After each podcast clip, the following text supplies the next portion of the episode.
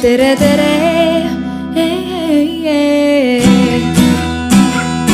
Eestimaa.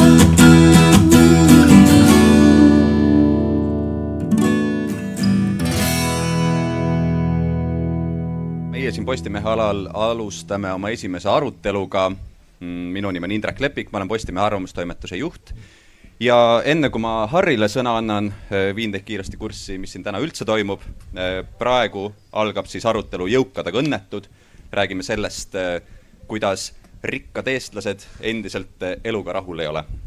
kella kahest algab siin arutelu Teadlane meedias, seda juhib Postimehe teadustoimetaja Kaur Maran Mm, kella neljast äh, räägime fake news'ist ehk siis kuidas jätkuvalt äh, tulla toime olukorraga, kus võltsinformatsioon äh, meid ümbritseb, kuidas aru saada, mis asi on võltsinformatsioon üleüldse, mm, seda arutelu juhib Holger Roonemaa ja samuti on seal Urmas Espenberg, Mart Siilivask ja Dmitri Teperik. Ja kell kuus on meil arutelu Naistejutud, meeleheitel koduperenaised Eesti moodi ehk emaks olemise võimalikkusest. Dagmar Lamp, Kristiina Herodes ja Heidi Ruul.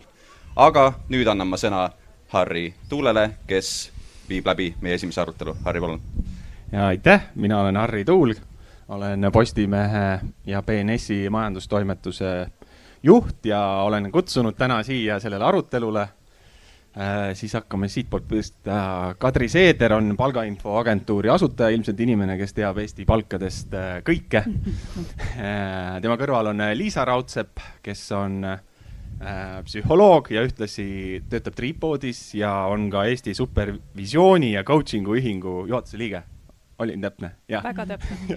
väga hästi ja lõpetuse või seal te, minu teises otsas istub äh, Jaanus Vihand, kes äh, muuhulgas valiti aasta juhiks ja on Coop juhatuse esimees minu teada viimast päeva küll. ja Coop on üks huvitavamaid Eesti ettevõtteid äh, nii oma tegevuste kui ka, kui ka nii-öelda omanike ringi poolest, aga eks võib-olla see tuleb ka korra jutuks siin aga mis mind, eh, ütleme, see arutelu pealkiri on natuke pretensioonikas, ma ei tea, kuhu, kas ja kuhu me täpselt välja jõuame, et võtke seda kui sellist mõtteharjutust või mõttereisi.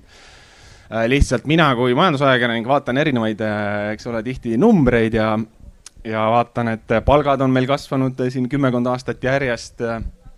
Me ütleme suhtena sisemajanduse koguprodukti oleme juba nii-öelda, hakkame vaikselt Euroopa jõukate riikide hulka jõudma, kusagil kaheksakümmend protsenti on meie kesk, Euroopa Liidu keskmisest.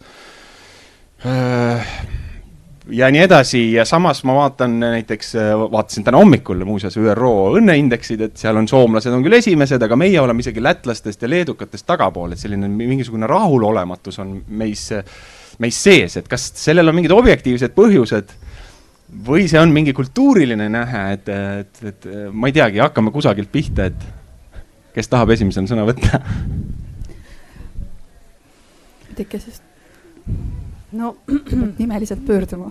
lihtsalt Kadri pöördus minu poole, siis ma eh, hakkan kuskilt otsast peale, aga ma hakkangi omaenda eks psühholoogia vaatenurgast eh, peale, et eh, et ehkki õnnel ja rahulolul võib olla palju noh, väga palju selgitusi või korrelaate. Ja üks neist kindlasti ongi see majanduslik äh, sissetulek ja, ja turvatunne, mis on eestlaste jaoks läbivalt olnud äh, selline õnne indikaator number üks äh, Mare Ainsaare andmetel. Et äh, siis teisalt, kui me vaatame nagu psühholoogilisi seljatusi õnnele, et siis üks neist on niisugune, et, et see, et kas inimene üleüldiselt tunneb, et ta on eluga rahul ja kas ta on rahul oma abikaasaga, kas ta on rahul oma tööga ja nii edasi, äh, sõltub ka ühest äh, isiksuslikust joonest, mis on äh, nimetatud emotsionaalne stabiilsus. ehk siis mida madalam see selline isiksuslik püsiomadus on, seda rahulolematum inimene on, sõltumata sellest, milline objektiivselt võttes on tema partner, mida kõike tehakse tema jaoks tööl ja, ja kuidas tal tegelikult nagu majanduslikult läheb. nii et siis äh, võib öelda, et see on niisugune omamoodi konstant, et umbes äh, viisteist, kakskümmend protsenti inimesi kaldub olema rahulolematu, sõltumata sellest, mis ümberringi toimub. aga kas ma sellest järeldan siis, et eestlased on kuidagi eri, eri, eri, eriti emotsionaalselt ähm, ebastaab-?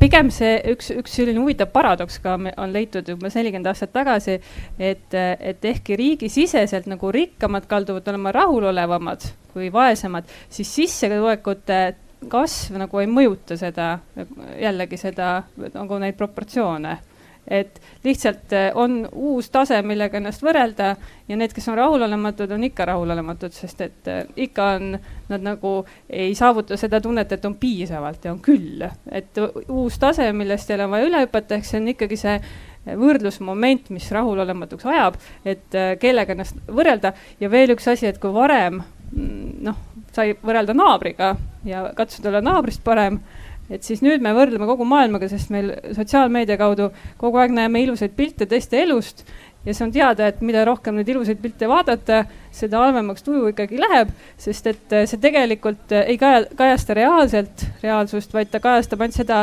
parimat osa, mida inimesed tahavad näidata ja inimene siis tunneb, et ta on, tal läheb kehvemini ikkagi. no aga Katri, võrdleme siis natukene.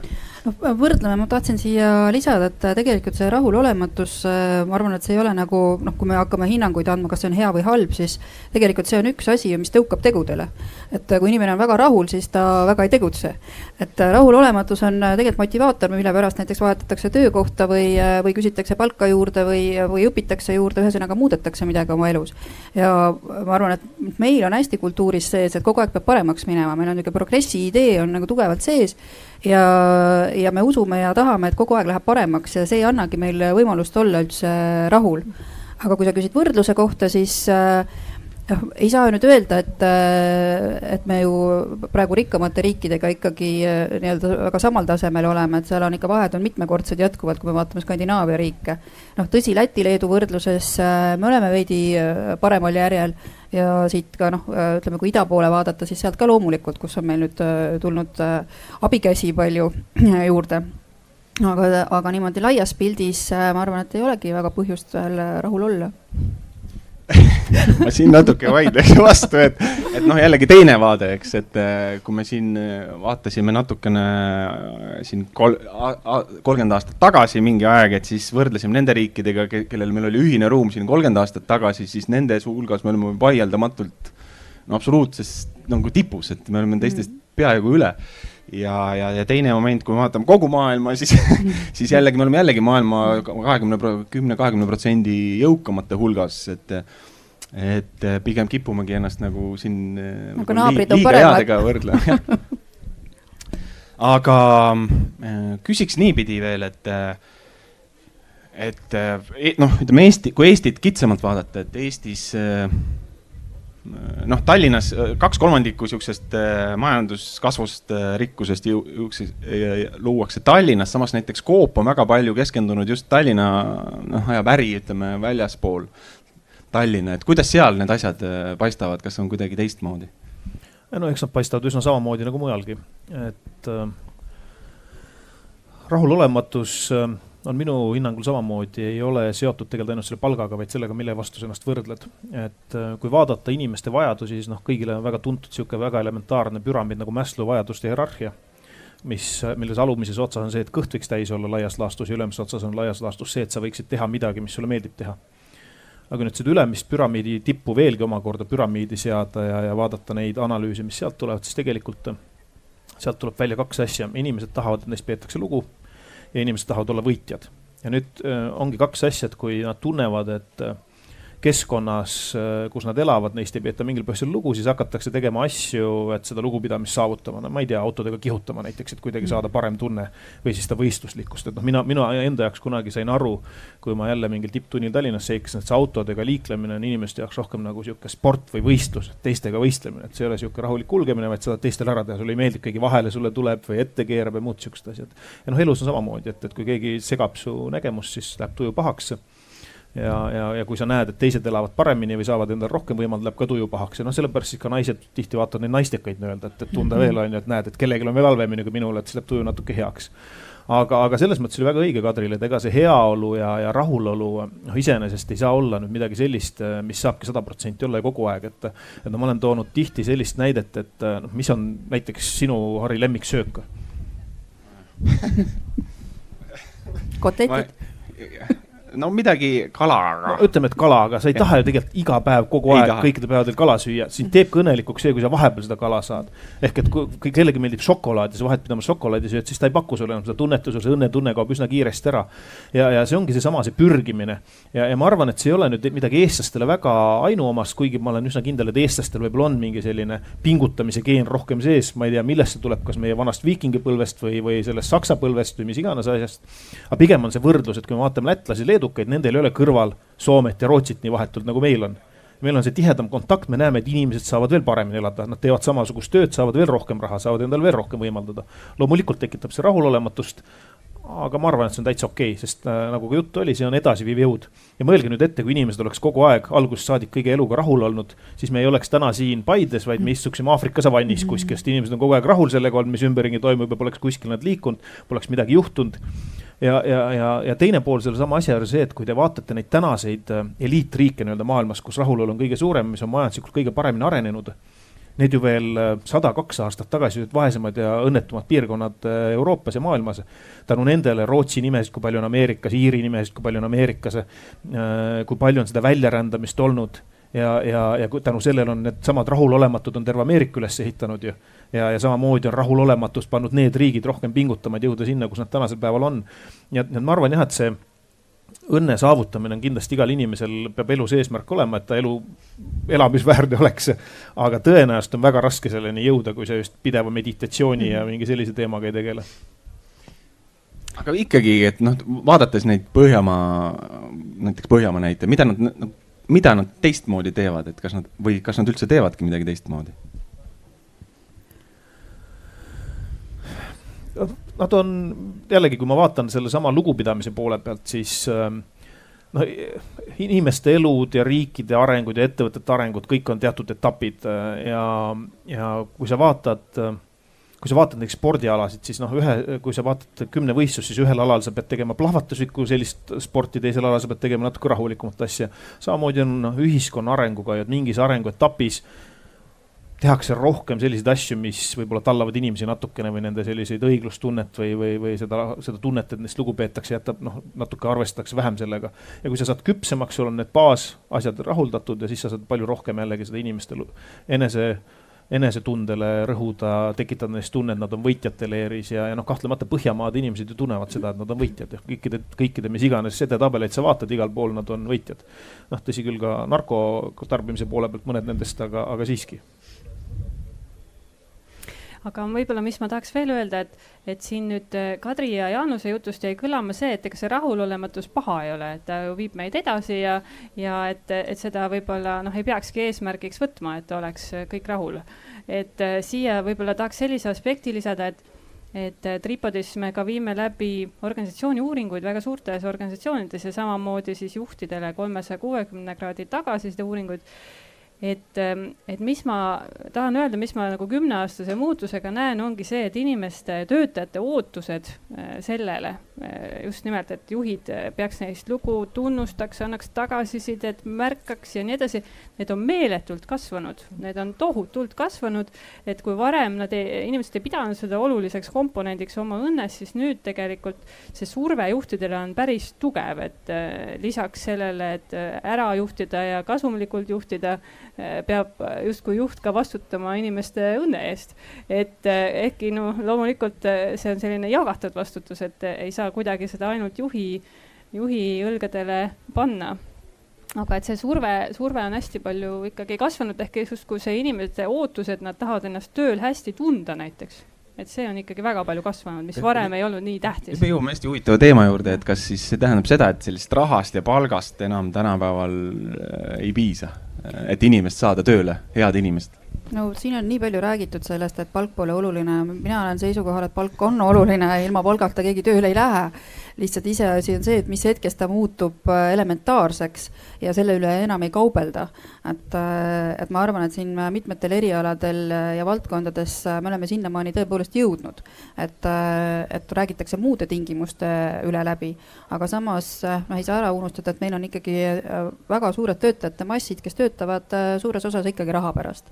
et noh, me tavaliselt need, kes nende teemade üle arutavad, nendel on muud asjad tähtsad ja siis nagu kuidagi laiendatakse seda teistele ka proportsioonid umbes on, et oskad öelda? Äh, sa mõtled, kes raha pärast töötavad või ütleme niimoodi, et äh, praegu niimoodi väga-väga puusalt tulistades ma arvan, et need, kes alla tuhande teenivad aga siis on umbes pooled e.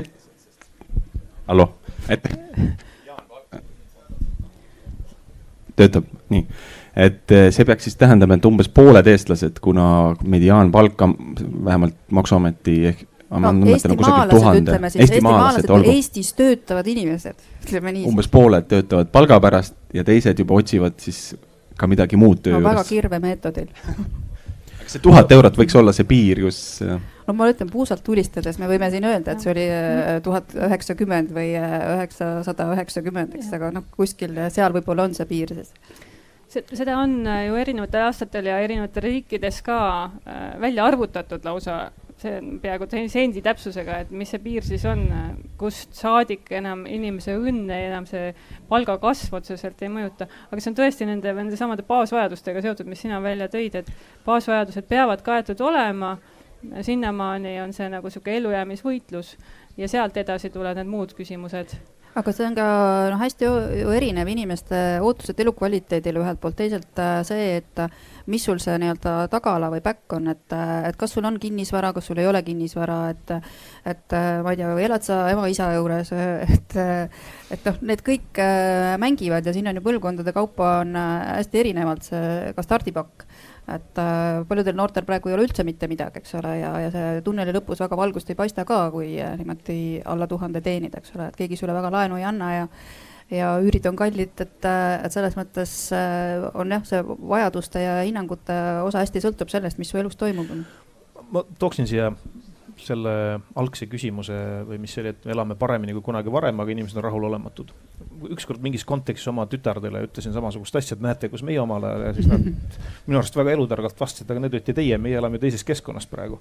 ehk et noh, neid jätab see täiesti külmaks, mis kunagi oli, nemad vaatavad seda, mis praegu on ja mis ümberringi on ja seesama asi, et mis on nagu tuleviku võimalused ja noh, sellega tuleb arvestada, aga, aga ja, ja mis rahasse puutub, siis üks väga vana nali äh, on selline, et raha ei tee kedagi õnnelikuks, küll aga teeb rahapuudus õnnetuks et, et see on nagu selge, et väga paljudel juhtudel ikkagi, kui sa teenid rohkem, ka kui sa sellest tuhandest hakkad teenima kaks tuhat ühel hetkel, siis sa vaatad, et oi, tegelikult tahaks nüüd külmkapi välja vahetada, tahaks suuremat korterit, tahaks veel midagi, võib-olla uhkemat autot. ja sa oled jälle samas kohas tegelikult, kus sa tunned, et sul ei ole piisavalt ja, ja noh nüüd see keskkond ja nüüd see tõesti see sotsiaalmeedia ja filmid ja kogu see keskkond on kindlasti see, mis mõjutab seda, et kui me elaksime keskkonnas, kus õnne mõõdetakse mingites muudes asjades, näiteks selles, et kui palju sa endale punaseid salle ümber kaela suudad mässida, siis noh, tõenäoliselt oleks see nagu äh, selline indikaator, mille järgi oma elu seatakse. aga lihtsalt meie keskkond on muutunud selliseks, kus need materiaalsed väärtused on need, mille järgi hinnatakse, kas elad hästi või mitte. ma tulen veel selle võitmise juurde tagasi ja keegi ei taha olla kaotajate poole peal.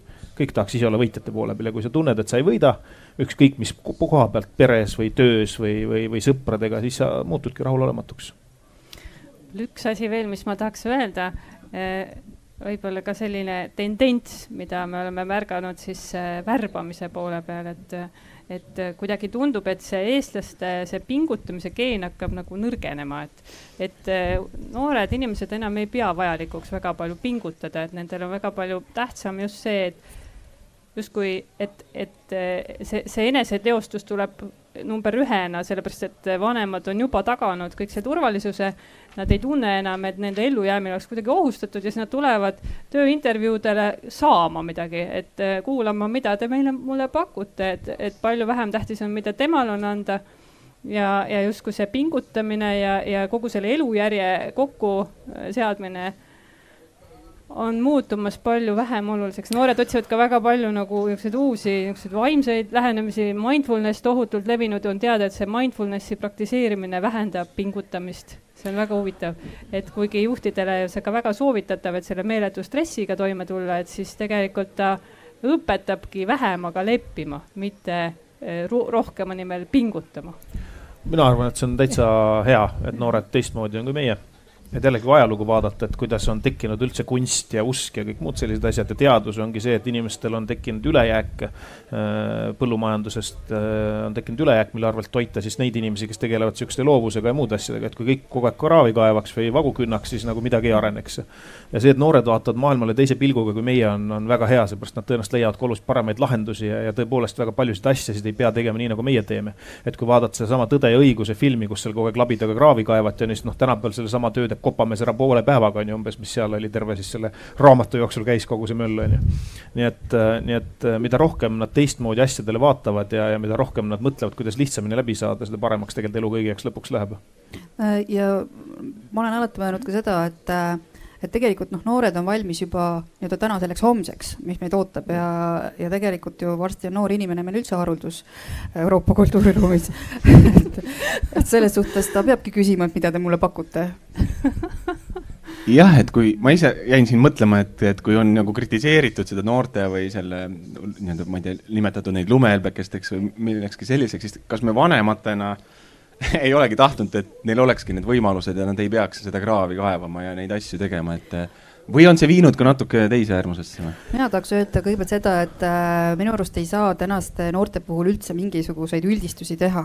sellepärast, et äh, see nii-öelda skaala on äh, võrreldes äh,, ma ei tea, meie ajaga läinud ikkagi kordades äh, laiemaks ja on üks avalõpp, kellel on väga kehvasti ja on üks, kes pingutavad ja on juba nii-öelda maailma direktorid.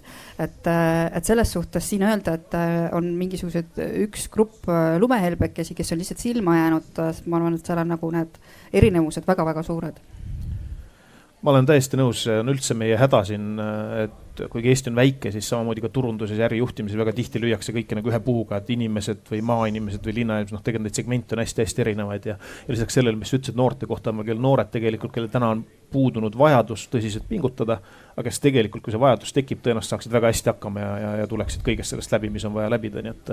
nii et minul on suur usk meie noortesse ja meie tulevikku ja, ja mina kuidagi mustades toonides seda ei näe, et mis nüüd juhtuma hakkab ja, ja võib-olla see, need, need muutused, mis võimalik, et tulevad noortega ja, ja suunavad ka vähem tarbima ja olema leplikumad, jagama rohkem, et et ühtepidi see on tõenäoliselt hädavajalik, et, et vähegi seda kliimamuutust, kui on veel võimalik pöörata seda teha. Ja, ja teistpidi ka eh, panustavad hästi uuel tasemel õnne ja, ja heaolutunde tekkesse, et mis ei ole enam seotud omandiga või, või sellise turvalisuse millegist kinnihoidmisega, vaid just selle, sellega, et toimib selline loomulik äh, suhtlemine on inimeste vahel andmise, jagamise suhted, et, et see väga võimalik, et viib püsivama õnnetundeni kui, kui selline äh, noh, kinnisvarale toetuv õnn. Tuleks nüüd korra tööturu juurde, et, et mind isiklikult huvitav jällegi küsimus on see, et vaatan statistikat, hõive Eestis noh, kõigi aegade tipus Äh, välistööjõu kasutamise hulk, noh, kui vaadata lühiajalisi töölubasid kasvõi on paari aastaga mitte kahe kol või kolmekordistunud, vaid lausa kümnekordistunud kahelt tuhandelt kahekümnele tuhandele, eks, et et kes meil siin, kes see tööjõud, kas, ja siis on tekkinud selline ütlus, et äh, noh, see töötaja või see töövõtja on äh, nii-öelda kuningas, et seab neid reegleid, et on see nii või, või kuidas sellega lood on? Kindlasti mingites valdkondades see nii on, aga on ka äh, inimesi, kes kipuvad ju üle jääma, et, äh, et see on äh, täpselt samamoodi, kes millegipärast ei sobitu kuhugi. et, et, et ja see, see grupp ilmselt võib ka suureneda, vaadates, et meil lihtsamat tööd ikkagi tõmmatakse kokkupoole ja, ja ettevõtted peavad ümber mõtlema, et, et kas on üldse võimalik, noh, palk surub ka, eks ole, altpoolt ülesse et selles suhtes äh, jah, jälle ei saa nagu selliseid üldistusi teha, et, et kõik võivad minna läbirääkimistele, jalad laua peale lüüa ja öelda, mis neil, mida nad kõike tahavad küll aga kui valik on suur, siis on umbes sama nagu turul, et tulevad esimesed maasikad, üks müüja, sa ostad kohe ära, lähed sabasse, ostad ära. sul on neid müüjaid kümme või kakskümmend tükki rivis, sa valid paremad maasikad välja, võtad need, mis sulle rohkem meeldivad, kus hinna kvaliteedisuhe parem on. eks tööjõuturuga on samamoodi et mingi hetk sa võtsid selle ära, mis sulle anti, täna sa vaatad, julged ringi vaadata, sa tead, et sa kuskilt ikka need maasikad nii-öelda kätte saada. et ähm, see on täiesti loomulik ja normaalne minu arust.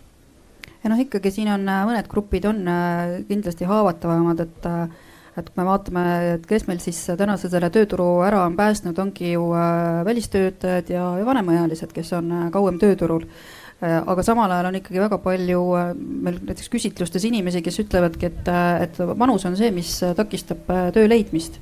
vanus ja tervis, et need on kaks asja, et, et kuidas me need inimesed, kes tegelikult tahaksid tööd teha, suudame siis ka ikkagi punti võtta ja, ja samamoodi noored, et kus nad selle esimese töökogemuse saavad, et kui hästi meil malevate süsteem toimib et äh, praegu, mis meil oli, kohad said kohe vist täis, et äh, kahe tunniga meil äh, seal Kuusalu vallas, et et kui me seda töökogemust neile ei paku, siis ei ole pärast mõtet ohkida ka, et nad nii-öelda esimese kuuma peale üles sulavad, et.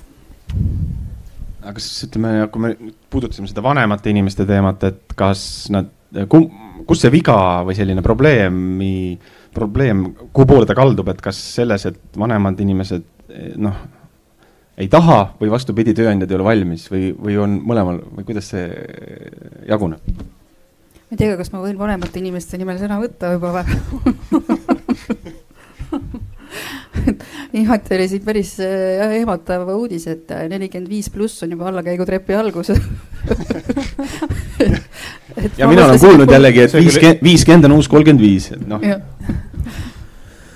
mina ei tea, ma arvan, et küsimus on mõlemat pidi, et äh, kindlasti ettevõtete poolt on liiga palju sellist ohkimist, et jube raske olukord ja, ja noh, loomulikult kõik tahaksid ressursse kergemini saada, tööressurss on ressurss, noh, siin ei ole midagi teha. aga jällegi, kui sa vaatad seda valikut, sa pead ju pingutama rohkem, sa pead mõtlema, mida nad teevad, kuidas teevad, kuidas sa teed oma sisseelamisprogramme. Äh, kuidas nad saavad lisaks palgale ka neid muid hüvesid, seda lugupidamist ja kõike seda tunnetada, noh lõppude lõpuks ei tohi ära unustada ka seda, et äh, inimesed tahaks teha mõtestatud tegevust et noh, kui nad lihtsalt tunnevad, et mingi tüübi jaoks täiendavat miljonit kasumit teenivad, siis võib-olla see ei ole nagu ka enesetunde jaoks nii hea motivaator kui see, kui nad tunnevad, et midagi suuremat ja tõelist kasulikku teevad, nii et. et mhm. kõik need asjad kokku pannes, siis kindlasti nendel, kes ähm, arenevad, arendavad ja mõtlevad inimeste peale, on suurem šanss töötajaid leida kui nendel, kes lihtsalt vaatavad seda ressursina nagu, nagu metalltorud või, või, või kruus ja inimesed, et noh, nendel on kindlasti raskem seda inimest saada et võib-olla karjäärinõustaja perspektiivist veel lisaksin, et et need, kes ähm, on hästi pikaajaliselt ühes kohas töötanud ja siis ühel hetkel nad kaotavad töö ja nad on viiskümmend pluss vanuses. et ma arvan, et isegi suurim takistus on nende enda peas, et esiteks neid on ära hirmutanud need jutud, mis nad on lugenud äh, ajalehest ja teiseks äh, neil ei ole ju mingit kogemust äh, kandideerimisega, kõige selle dokumentatsiooniga, enda müümise, oma oskuste presenteerimisega. et neil on lihtsalt niivõrd palju nagu sellest enesekindlusest puudu, et kui nad seda nagu iseendale ei kasvata kellegi abiga või ise, et siis nad ka jätavadki kahjuks natuke lahjema mulje, et kui nad töövestlusel teistega konkureerivad. no ilmselt nagu... seda entusiasmi ei ole, eks ole, nii palju, et. isegi kui on, aga ei ole nagu seda usku, muidugi mm. ka entusiasmi võib olla vähem mm., sest see karjääri teine pool on ikkagi sageli selline otse, otste kokkutõmbamise pool, et, et on küll inimesi, kes veel äh, noh, väga pika, pikka aega on ettevõtlikud ja aktiivsed, aga ka suur hulk inimesi ikkagi soovibki töötada rahulikumas tempos. noh, nende prioriteet ei ole enam äh, töö ja tööalane eneseteostus, vaid just pigem noh, on töövälised. mulle teemad. Tundub, et see on ikkagi ka muutumas ja, ja eriti kui me räägime, et sünnitamist lükatakse edasi, siis äh, noh, see ei ole enam see viiskümmend, et see on juba mingisugune kuuskümmend võib-olla mm -hmm. või, või, või isegi rohkem ja, ja teine, et see tänane tegelikkus on, et ikkagi ollakse nii kaua tööturul kui vähegi võimalik, et äh, mida muidugi soosivad äh, madalad pensionid. et, et selles suhtes on see nagu jah, motiveeriv, võib-olla ka madal toetusraha. ma jälle ütleks, et me ei saa kõiki neid vanemaid inimesi ühe puuga võtta mm, -hmm. et on mitte. neid inimesi, kes äh, kaheksakümneselt kõige moodsamad tehnoloogilised asjad selgeks teevad ja kogu maaeluga kaasas käivad või maailma eluga. ja on neid inimesi, kes juba neljakümne viieselt äh, ütlevad, et minust nagunii enam asja ei saa mm -hmm. ja ma mhm. loobun üldse arengust. et noh, see on needsamad jällegi äh, psühholoogidele ja, ja personaliinimestele hästi tuntud ringid on ju, kus on see mugavustsoon ja ebamugavustsoon ja mis seal sees asub. noh, paljudel juhtudel noh, tegelikult ju öeldaksegi, et kogu areng toimub selles ebamugavustsoonis, kus sa katsetad uusi asju, julged proovida, julged areneda ja kõik need asjad, mis seal sees on, versus see mugavustsoon, kõik tuntud, turvaline, teeme kõike nii, nagu seni on tehtud. et äh, siin ongi küsimus, et mõned inimesed julgevad minna sinna ebamugavustsooni ja areneda ja mõned lihtsalt löövad käega, annavad alla ja ütlevad, et noh, vaatame, mis saab ja ma siin omalt poolt siis ka lisaks äh, seda, et äh, kui statistikat vaadata, siis ma just siin hiljuti vaatasin, et äh, eakad ehk siis mida loetakse või noh, ütleme vanemaealised, vanemaealised viiskümmend pluss, et tegelikult Eestis hõive nendel on üks Euroopa tipus, üks kolme, kolme hulgas. nagu kogu meie hõive vist.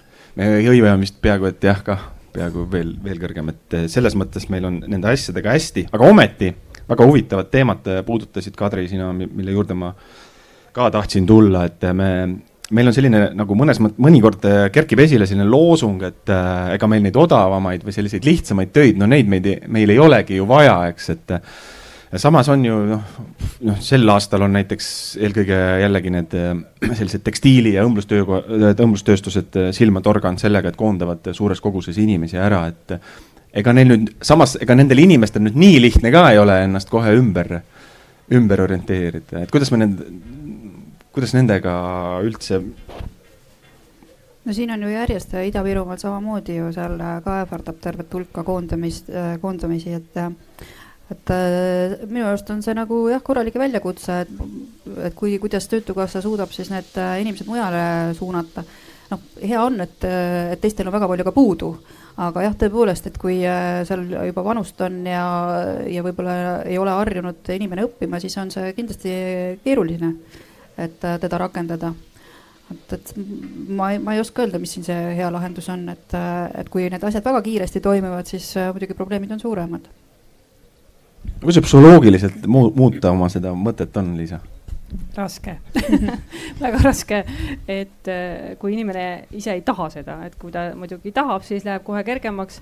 ja õnneks võib tõesti öelda, et see Eesti selline karjääriabivõrgustik võrreldes näiteks Läti-Leeduga on tohutult kõrgel tasemel. see, et Eestis on igale täisealisele inimesele võimalik tasuta äh, minna ja saada karjäärinõu, teha teste, saada osa kõiksugu teenustest, sellist, noh, ainult unistada võivad paljud riigid. nii et, äh, et, et tahaks küll loota, et, et Töötukassa suudab, suudab neid inimesi kõiki vastu võtta ja pakkuda ka selliseid teenuseid, mis neid tõesti aitavad. aga loomulikult, nagu ma ütlen, kui inimene ise seda ei taha, et teda suunatakse, aga ta tuleb nagu jalgu lohistades, noh, vaatame, mis te minuga teete, et eh, siis, siis seda abi on väga raske anda, kui inimesed võtta vastu ei taha. Et, ehm, et seal on vaja tõesti nagu kahelt poolt eh, tööd ikkagi. Ja, ja just seda, seda valmisolekut eh, ikkagi mõelda ümber ja, ja, ja õppida juurde jah, ja seda minu arust enda karjääri või tööelu juhtimist äh, on ikkagi suhteliselt vähe et äh, millegipärast äh, on, noh, kui me oleme seda oma küsitlustes ka kombanud, siis ikkagi tundub, et see on nagu kellegi teise vastutus. ja ilmselt see hakkab sealt juba haridussüsteemist pihta, et mille pärast ma õpin, ma õpin sellepärast, et kahtesid mitte saada, et õpetaja kuri ei oleks, et ema kodus ei karjuks. et sellist nagu enda, et ma enda pärast seda teen, sellist sisemist motivatsiooni noh, õppida ja, ja ka edasi tööelus ennast arendada. et see on nagu tööandja asi, et äh, mina tulen siia kindlal kellaajal, kindla temperatuuriga keha, tehke minuga midagi. et, äh, et aga, et kuidas ma ise edasi arenen, mida ma viie aasta pärast teen näiteks, et, et kui paljud inimesed seda või töötajad seda mõtlevad tänasel päeval, ma arvan, üsna vähesed. ega ka tööandjad, noh, vähesed on need, kes räägivad tööle võtmisel sellest, kui kaua sa meie juures töötad, et see on ikkagi tabuteema, et, et tahetakse püsisuhet nagu. Ehm, kui kaua üldse töötatakse praegu keskmiselt ühe tööandja juures, oskad sa öelda? noh, ma juba jälle niimoodi puusalt tulistan, aga, aga siin on ju grupid on erinevad, et äh, on äh, jällegi suur hulk töötajaid, kes on äh, oma tööandja juures üle kümne aasta töötanud, et siin näiteks infrastruktuuriettevõtted, kus pigem tööandjad on teinekord hädas, et inimesed ei taha mitte kuhugi liikuda. palgad on ka nii palju kõrged, et polegi nagu kuhugi väga minna, eks ole, eriala on ka spetsiifiline ja, ja siis on ju terve hulk äh, inimesi, kes äh, käib ka ajutistel töödel, et me nagu unustame selle ära, et äh, meil on ju väga paljud ettevõtted on niimoodi, et noh, kevadel värvatakse või vastupidi, talveperioodiks värvatakse. Et ja need on hooajalised tööd, mis ka mõjutavad ju hästi liikumist, on ju, lisaks veel õpilased, tudengid, kes üldse ampsudena ainult töötavad, et et selles suhtes on äh, väga keeruline siin öelda, et, äh, et vot keskmine karjäär on äh, selline või teistsugune. aga noh, ma ei ütleks, et see katastroofiline on nüüd inimeste liikumine töökohtade vahel.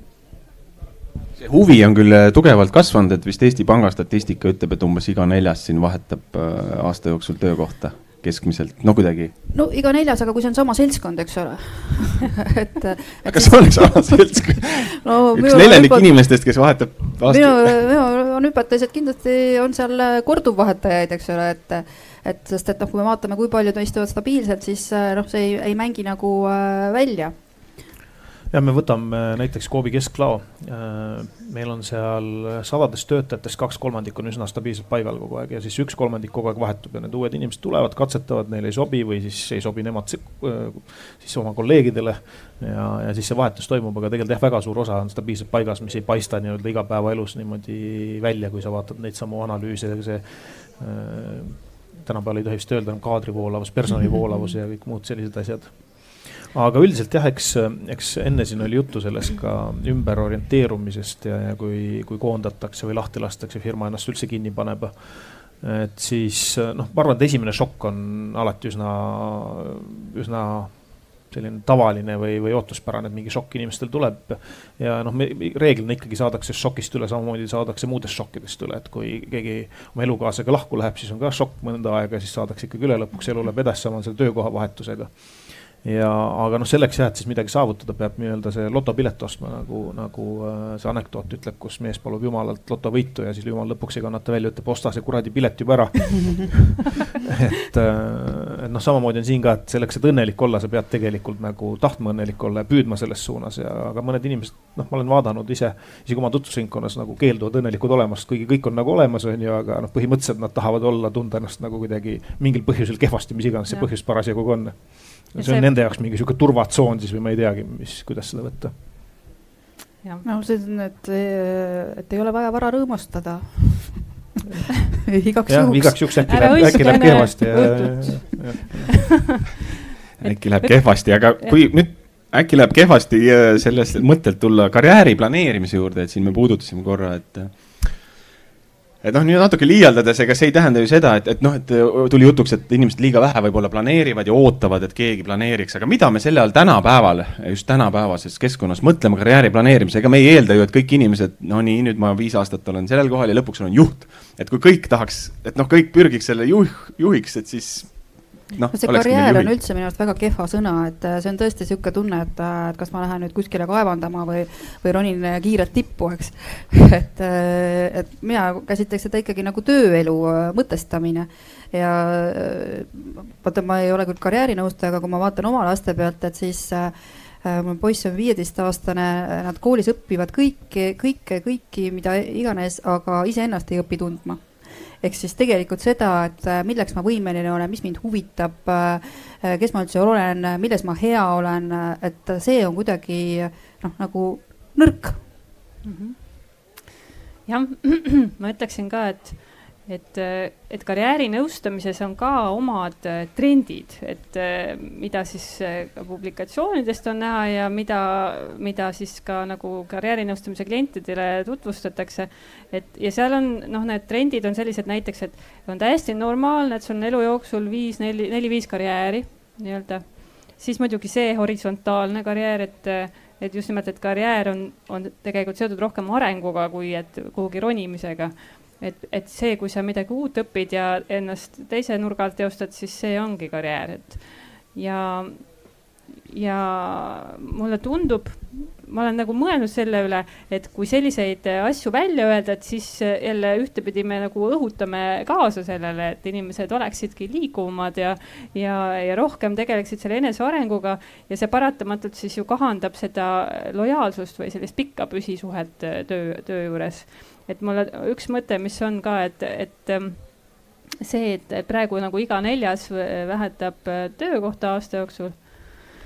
see, ma arvan, on ka natuke omamoodi sihuke sotsiaalne trend, et, et, et see, et sellest saad nagu väljas sellist tagasisidet, et see on normaalne, hakka mõtlema, kui sa oled kolm, kolm aastat ühes kohas olnud või viis aastat või seitse, siis hakka kohe väga kindlasti mõtlema, et et see, see ei tule ka alati nagu, et see oleks inimeste enda algatus, vaid ma arvan, et see on ka selline sotsiaalne trend, et, et lihtsalt noh, nagu paljud muud nagu tervisealased või, või liikumisalased legendid, kümme tuhat sammu või mida iganes, et, mhm. et ka inimesed võtavad sihukese asja endale pähe ja, ja hakkavadki ärevust tundma, kui nad on kolm aastat ühes kohas töötanud, mitte et selles töös oleks midagi viga, vaid et et meie legend ütleb, et sa peaksid nüüd liikuma, et mitte sammal ei tuleks selga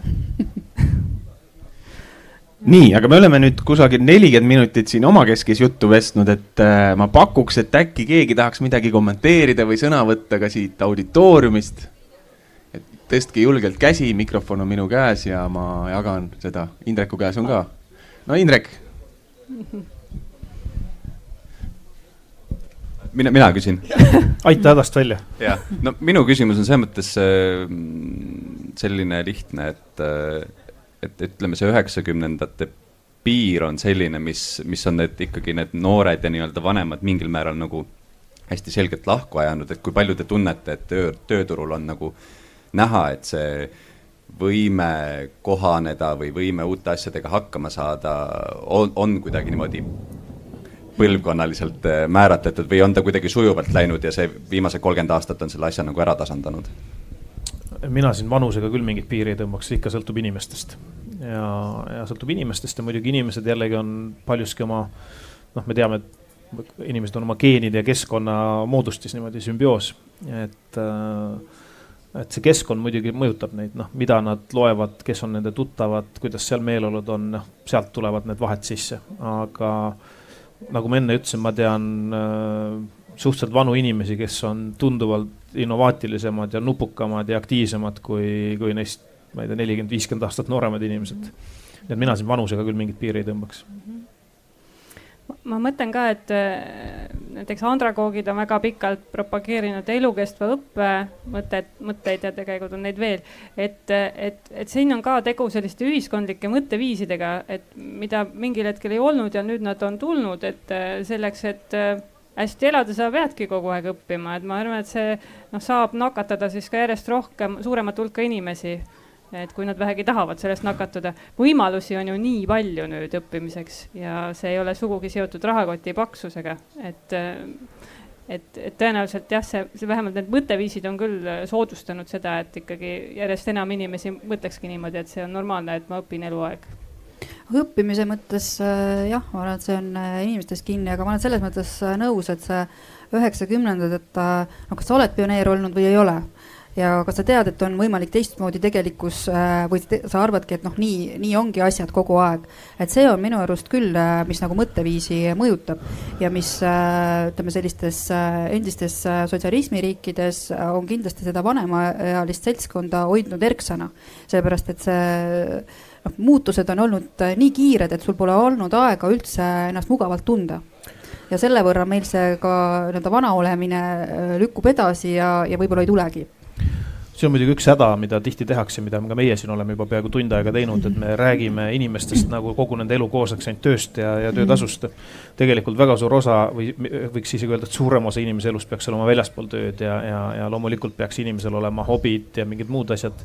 Äh, lugema raamatuid, kuidas see ütlus oli, et kes raamatuid ei loe, elab ühe elu, kes loeb raamatuid, elab sadu elusid, on ju, et noh, siin tulevadki needsamad asjad, et, et millele sa keskendud ja kuidas, kuidas su maailmapilt on ja, ja, ja mis sinu jaoks oluline on ja veel üks anekdoot võib-olla, võib-olla võima-, viimane täna siis on.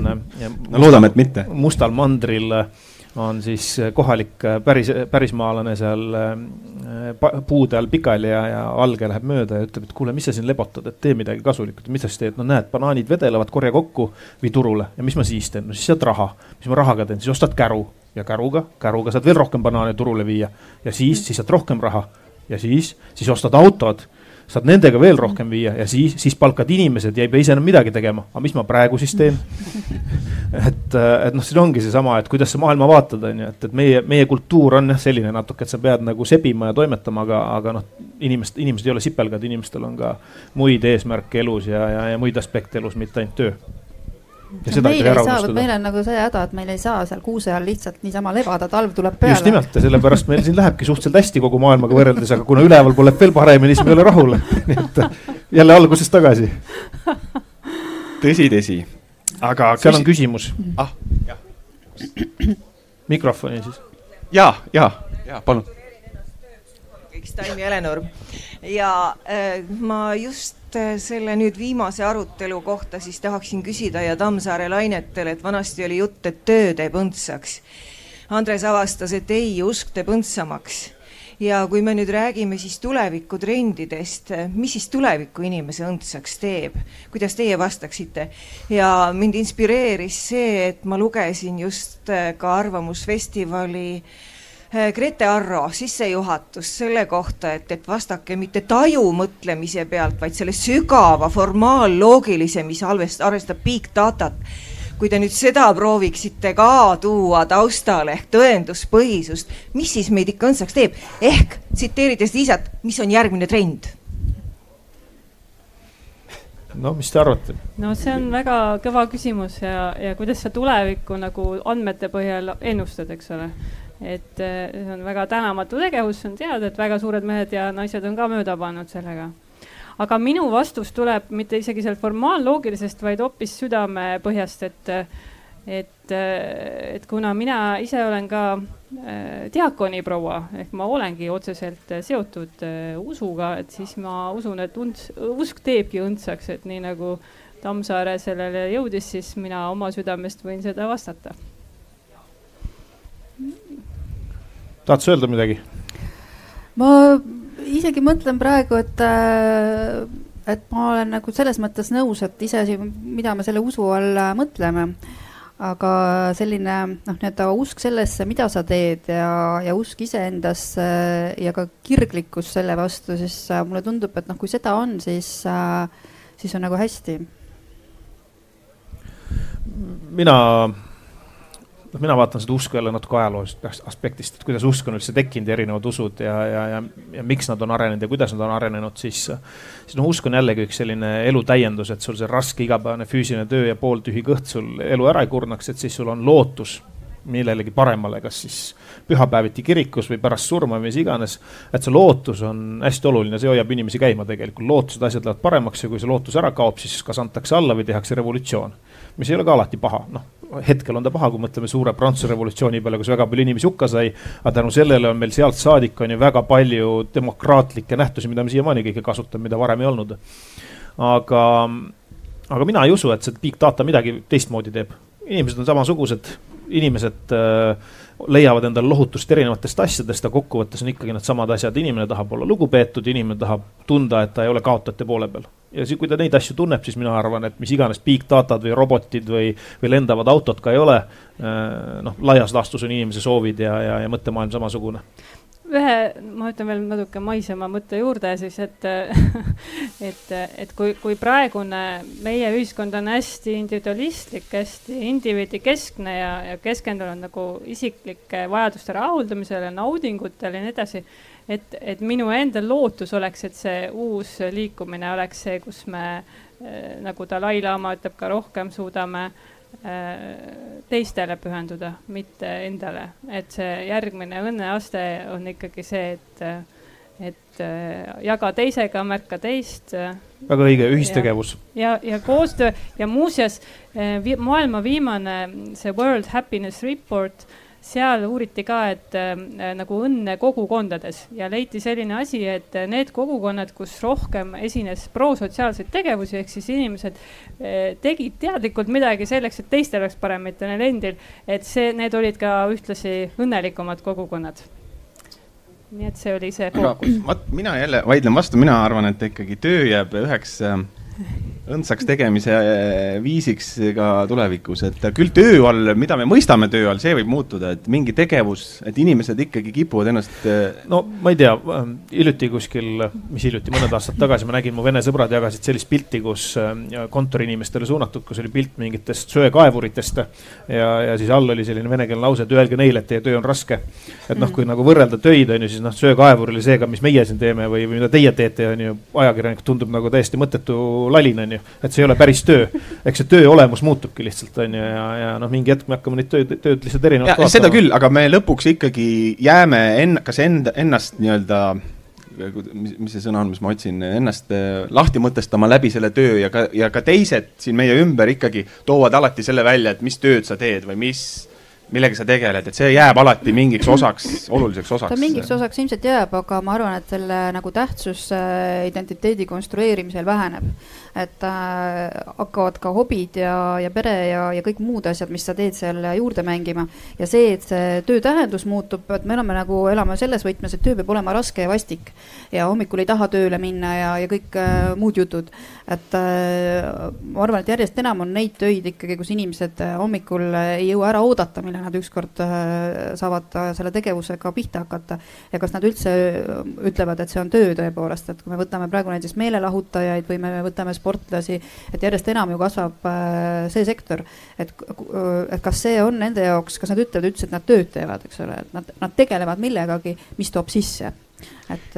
jah, aga jällegi ma jään oma teooria juurde kindlaks, et kui me nüüd vaatame, et ega tööd ei ole kuidagi vähemaks ju jäänud, et, et kunagi lootsid ka, et Andres ja et jääb tööd jääb vähemaks ja et ei pea põldu harima et täna, täna annab põllumajandus vist umbes kolm protsenti Eesti sisemajandus koguproduktist, väga väike osa, et ometi nagu tundub, et tööd on nii palju, et ei jaksa ära teha, et. et, et selles mõttes, kus meil, kus meil see aeg pere ja, ja nende asjade jaoks tekib, et aga võib-olla. tuleb võtta, ega teda ei teki, kakskümmend neli tundi on kõigil no,. see on nagu peades kinni ikkagi. no ma ei tea, see on peades kinni küll, noh jällegi erinevaid inimesi vaadates, siis noh, mõnele, mõni inimene jõuab päeva jooksul teha ära sada asja ja, ja kogu aeg toimetab. ja siis on teine inimene, kes teab, et õhtul kell seitse tal on mingi asi tulemas ja ta ei suuda tänu sellele mitte midagi teha, kuna ta valmistub selleks kella seitsmeseks, see on nagu krampis ja ei suuda midagi teha.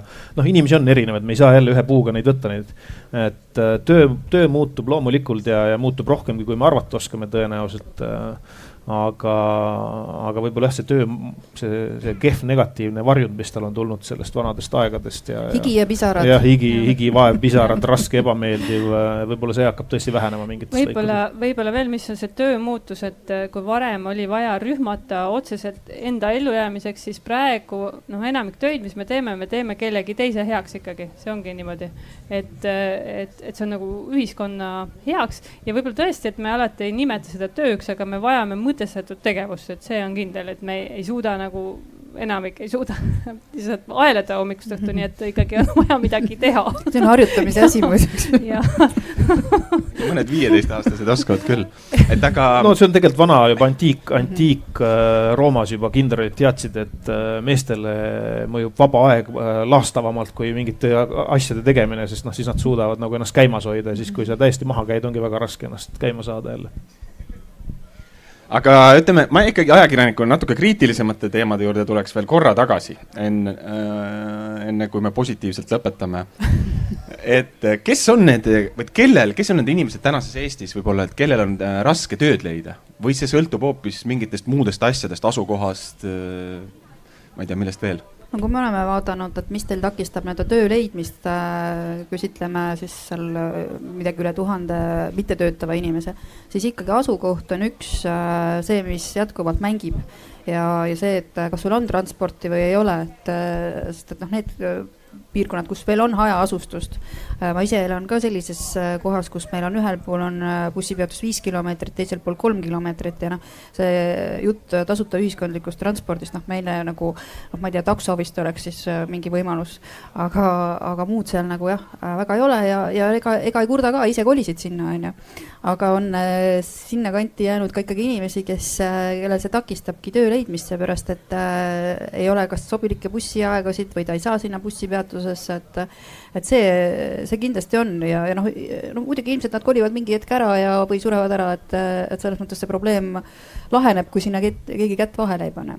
kas see on üldse oluline, et nad elaksid seal põllu peal? mina ei tea, ma arvan, et äh, ma arvan, et kõik, kes vähegi viitsivad äh, pingutada, tegelikult leiaksid endal tänasel päeval töö ühel või teisel viisil. nüüd ongi küsimus, et kas sa tuled oma mugavustsoonist, sellest tuntud mullist välja ja viitsid teha ühe lisasammu. kas sa viitsid arendada ennast või mitte aga jällegi noh, seda ei saa absoluudina võtta, on kindlasti inimesi, kellel on, ma ei tea, füüsiline puue, kelle tõttu on teatud piirangud või. tavaliselt või... seal ongi komplekt, eks ole. jah, jah, või mingid muud siuksed asjad, kindlasti on mingid erandid, aga kui me räägime nii-öelda elujõus inimestest, täiselujõus inimestest, siis noh, tegelikult on ainult siin asi kinni, ma arvan. võib-olla ma tahaks veel kord need erivajadusega inimesed tuua pilti et äh, tööandjad või tähendab, Töötukassas ju paar aastat tagasi alustasid tööandjate konsultandid, kelle eesmärk oligi tõsta tööandjate teadlikkust äh, nende erivajaduste olemusest ja, ja, ja kuidas ikkagi sellist inimest saab tööle võtta ja kuidas seda toetada ja nii edasi et ma tean, et see töö on läinud ikka väga okkaliselt, et see on väga-väga raske olnud äh, tööandjate äh, ka mõtteviisi muuta selles küsimuses. et on küll väga häid näiteid nendest, kes on võtnud erivajadusega inimesi tööle, aga valdavalt on see olnud üks üpris tänamatu töö. ma arvan, et see on lihtsalt aja küsimus, teatud protsessid Võimalik, võtavad aega on, lihtsalt, et noh, see on natukene et ka on, ütleme aastakümneid, noh, otseselt tänavapildis need inimesed olnud väljas, et ka see juba, et silm harjuks, et on tegelikult väga erinevaid inimesi võtab ka aega ja siis, et tööandja veel harjuks, et ta võib ka töötaja olla, et see võtab veel omakorda. noh, lisaks on see neid erivajadusi ju niivõrd seinast seina, et, äh, et seal noh, kuidas ta sul selle töö iseloomuga ikkagi klapib või no, ei klapi. ja, ja pluss noh, äh, veel äh, noh, muud sotsiaalprobleemid neil, noh, samamoodi see liikumispuuetega inimeste, kas nad saavad üldse ligipääsu sinna töökohale või ei saa. vanalinnas me oleme ise selle läbi teinud, on see noh, pea võimatu, sest et sul sa kasvõi näiteks WC ust sa ei saa teha laiemaks, sest muinsuskaitse ütleb, et ei tohi tohi. ja mm., ja sinna see asi jääbki. lifti ka ei tohi teha, sest et äh, sa rikud, eks ole, arhitektuuri. et äh, hea tahe võib äh, selliste asjade taha jääda. üks mu küsimuse selliseid nii-öelda allmõtteid oli see, et, et kahtlemata Eestis on töökohti, tööd on aga küsimus, aga ütleme, kui me regionaalpoliitiliselt mõtleme, siis me tahame, et need töökohad oleks kusagil mujal võib-olla samaväärsed, et kas, kas see ikkagi võib olla probleem? Minu arust see muna ja kana, et äh, mis peab olema ennem, kas töö või inimene sest et. no äh, täna me näeme, et tegelikult, kui näiteks seda haldusreformi tehti, öeldi, et ehitame need tõmbekeskuste ümber äh,, uued äh, need omavalitsusüksused, siis noh, kui me no, ausad oleme, siis meil on ainult üks tõmbekeskus Eestis, see on Tallinn ja Harjumaa. See muutub, selles mõttes ma ei kahtle absoluutselt, et see muutub, et kui äh, inimeste töökohad, äh, tehnoloogiline areng jõuab sinnamaani, nad võivad kuskil suvaliselt metsakülas väikse järvekese ääres sedasama tööd teha, mida pealinna kontoris äh, parkimiskohta hommikul meeleheitlikult ringi otsides ja, ja kõike muud seda. aga see sõltub eluetapist, et siin on väga hea mitte ainult eluetapist, sõltub ja. ka ütleme ühiskonna arenguetapist ja noh, me jõuame sinnapoole ja noh, fakt on ju see et elukeskkond äh, vabas looduses mõnusa metsajärvekese ääres on tunduvalt parem sul kui, kui linnas. ma vaidlen vastu, kuigi ma elan seal. kui sul on kahte kuu lapsi kooli viia, kui sul on võimalik kaupa saada ja kui sul on võimalik äh, meelelahutust saada, kui sul need asjad on olemas, siis mm., siis hakkab täpselt vastupidine ränne pihta, aga see võtab aega veel. see võtab aega, teine on see, et äh, minu arust on väga hea näide Cleveroni see Viljandi katsetus, kus nad üritasid oma IT-üksust Viljandisse tuua. et seal on noh, hakkavadki mängima see, et, et kas kas Viljandi nüüd on see tõmbekeskus ja kui ta tõesti seda, selleks muutub, aga inimesi meil on ju niigi vähe, on ju. Mm. ja, ja noori inimesi jääb järjest vähemaks, et, et kas, kas seal on diskoteek või seal ei ole diskoteek või mis iganes klubi, kas seal on üldse omasugustega suhelda. või ikkagi on see liikumine sinna noortele tõmbekeskuste poole ja ma ütleks, et see on nagu tegelikult äh, noh, minu arust väga normaalne, et alguses ongi, noored lähevad ära linna, saavad kogemusi, loovad võrgustikke ja nii edasi. Äh, tulevad lapsed, maal on palju mõnusam, äh, ongi see eluetapp, saad vanemaks, kolid hoopis haiglale lähemale, eks ole, et meditsiin oleks kättesaadav. et, äh, et see maal on sellega päris keeruline, sellepärast et sa pead igale, natuke paha on olla, juba pead kiirabi kutsuma, eks ole, et et ja siis Tallinnasse või Rakveresse näiteks äh, meie puhul sõitma, et, äh, et ma arvan, et see on nagu, et inimesed peaksid lihtsalt liikuma, et, äh, et kolimegi mingis etapis tõesti linnast välja, aga praegu tundub, et see, sellist liikumist väga ei ole muuseas õnnest veel rääkides ja natuke jälle liiga praktilisest töökohtast eemale minnes, kas keegi on näinud sellist filmi nagu, kes see seal õnneotsingutel oligi nüüd äh,? Inglise no,. ma vist tean seda. jah mul ei tule see nimi meelde, aga oli mingi õnneotsingutes, kus mingi psühholoog läks üle maailma reisima, seal käis Hiina ja Aafrika ja kõik kohad läbi, et õnne leida ja pidas päevikut selle üle, et soovitan vaadata seda filmi, see on päris, päris sihuke rikastav, et jällegi seesama raha ja teenimise teema juurde tagasi. tal oli siis üks kodanik, kellega ta kohtus lennukis, kes oli siis rikas äh, äriinimene ja siis äh, tema ütles, et tema õnn on siis, kui ta veel täiendava miljoni teenib, et siis ta on õnnelik ja siis ütles, et aga nii ma olen vi juba viimased kakskümmend kaks miljonit mõelnud. et äh, et õnn läheb edasi, aga ma, ma usun, et täna juba nüüd, kui me siin varsti hakkame lõpetama, on ju, siis täna tuleb juba sihuke suur õnnetest meil siin. ma olen üsna kindel, et umbes poole tunni pärast on väga õnnelikud need, kes on kuivalt kuskil varju all. ja, ja need, kes ei saa seda teha, enam nii õnnelikud ei ole, nii et tegelikult on õnneks väga vähe vaja, kui osata nagu need õiged aspektid ja nupud üles leida. Õnneks lõpetame vist ilma vihmata jah, no see on väga hea kokkuvõte meie vestlusele, mulle tundub siin, siinkohal tasubki lõpetada, et, et isegi kui meis on väike rahulolematus, siis see viib meid pigem õnne poole edasi. et ma tänan teid äh,, siin osalejad, ma tänan teid, kuulajaid ja võib-olla kohtume järgmine aasta uuesti. aitäh teile kõigile. aitäh.